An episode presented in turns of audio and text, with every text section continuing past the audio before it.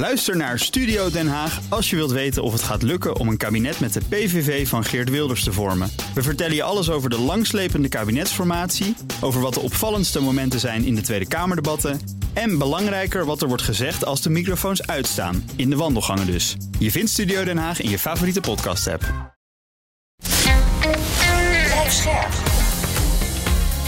BNR Nieuwsradio.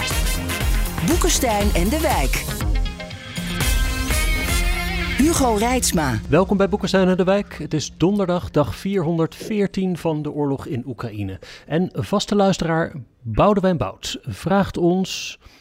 Een hele lange vraag. Um, hij, hij, vraagt ons eigenlijk hoe, hoe we de, zeg maar, de veiligheidscrisis te lijf gaan, rekening houdend met die andere crisis, klimaatverandering. Hij zegt, ja, we zitten voorlopig met een vijandig Rusland, moeten ons daartegen bewapenen. Tegelijkertijd moeten we de komende decennia een enorme energietransitie door. Hoe dat te combineren? Um, hij zegt, vliegtuigen, gevechtsvoertuigen, schepen hebben zoveel vermogen nodig. Dat lukt voorlopig niet op elektriciteit. We zitten vo voorlopig ook zonder voldoende groene waterstof. Internationale afspraken over een beetje milieuvriendelijk oorlog voeren is waarschijnlijk te veel gevraagd.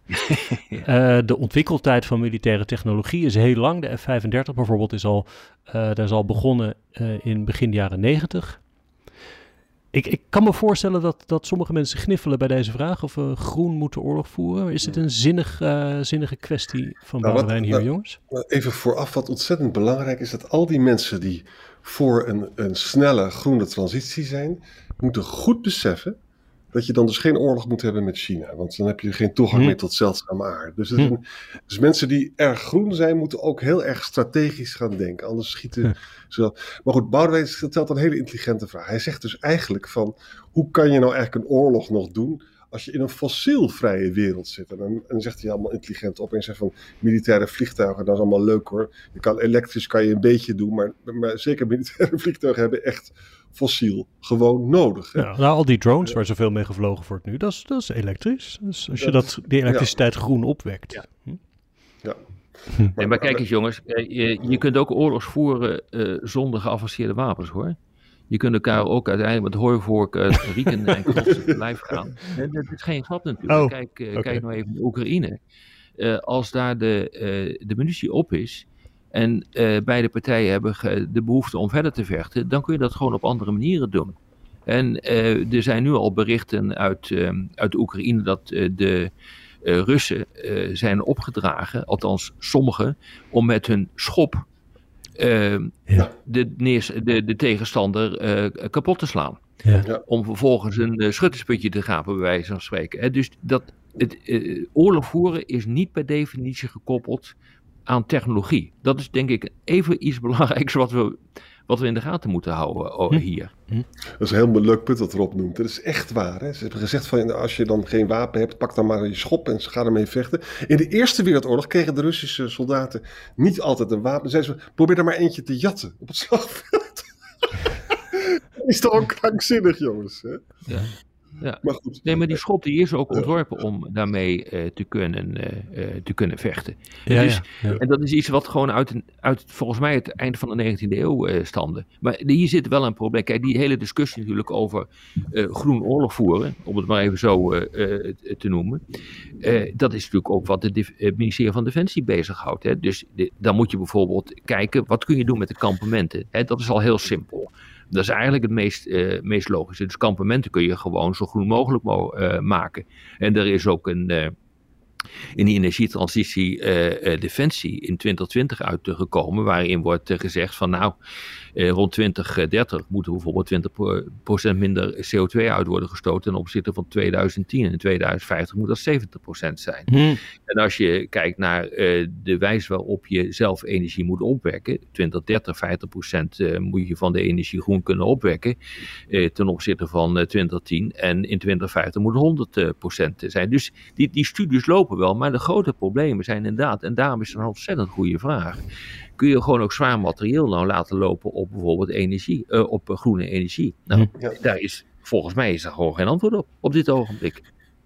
Nou, je hebt dus die e-fuels, hè, maar daar heb je ontzettend veel energie eh, voor nodig. En die hebben we natuurlijk, we hebben al een enorm tekort hè, van groene waterstof. Maar het zou in principe over een tijdje zou dat natuurlijk kunnen. Het punt van Hugo vond ik leuk. Hugo zei, Hugo zei van, ja, luister, je toch drones.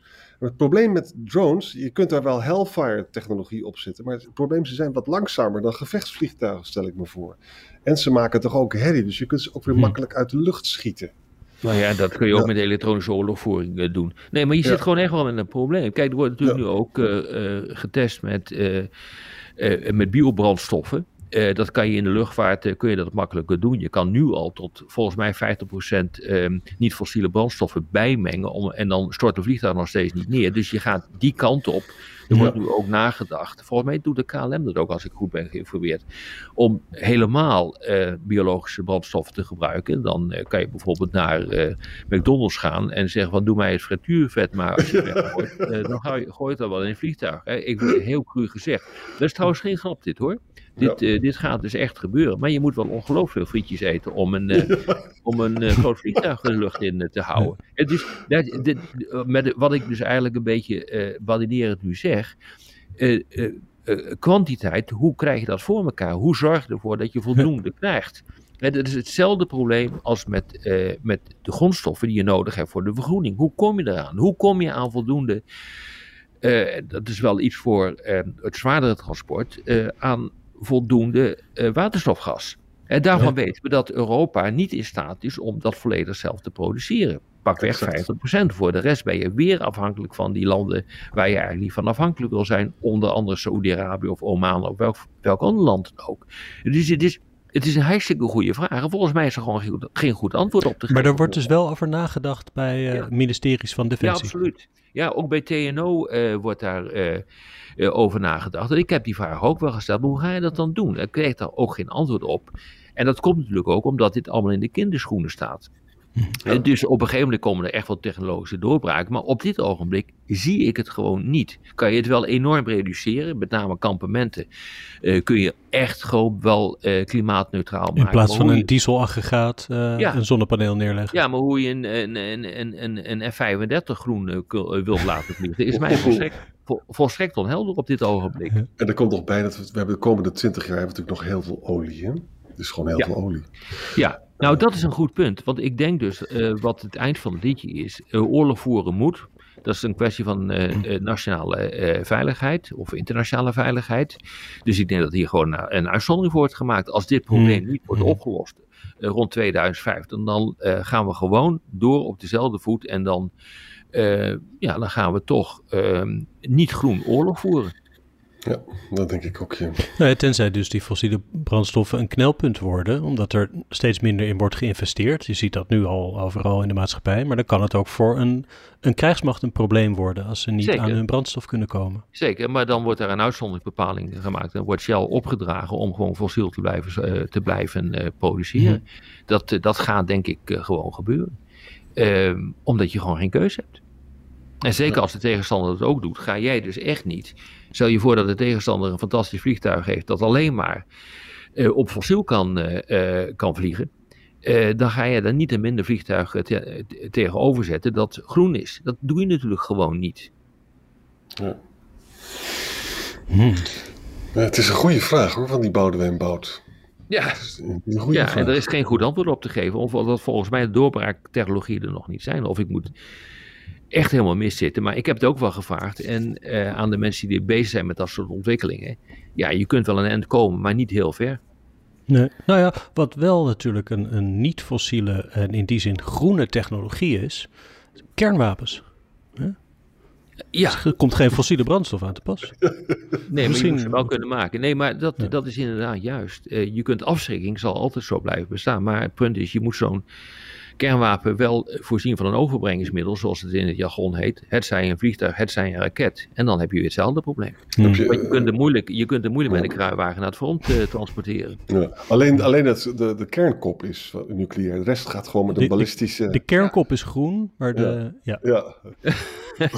En sommige groene mensen zullen de kernkop niet zo groen vinden. Ja, ja, ja. Hmm. Kortom, was de conclusie? Eh, ja, je ja, komt een eind, ja. maar eh, niet helemaal, denk ik. Eh, mits er dus ehm, doorbraaktechnologieën zijn, dan zou het kunnen, maar anders kan het niet. Wij wachten op de grote doorbraak. Ja. ja. En, de, en de menselijke creativiteit is schier onbeperkt, dames en heren. Dus dat gaat gebeuren. En als het helemaal niet lukt, uh, en we moeten allemaal groen van iedereen, ook uh, Rusland moet groen uh, oorlog voeren van de Europese Commissie, dan doen we dat met, dan doen we dat met de schop. Ja. Le lang leven de hooivork. nou, Boudewijn, je moet het er maar mee doen. Zeker. Tot morgen. Tot morgen. Tot morgen. Ook Diana Matroos vind je in de BNR-app. Ja, inderdaad. Je kunt live naar mij luisteren tijdens de Big Five. Ook handig in de BNR-app. Breaking nieuwsmeldingen, maar ook het allerlaatste zakelijke nieuws. En je vindt in de app alle BNR-podcasts, waaronder Wetenschap Vandaag. Download nu de gratis BNR-app en blijf scherp.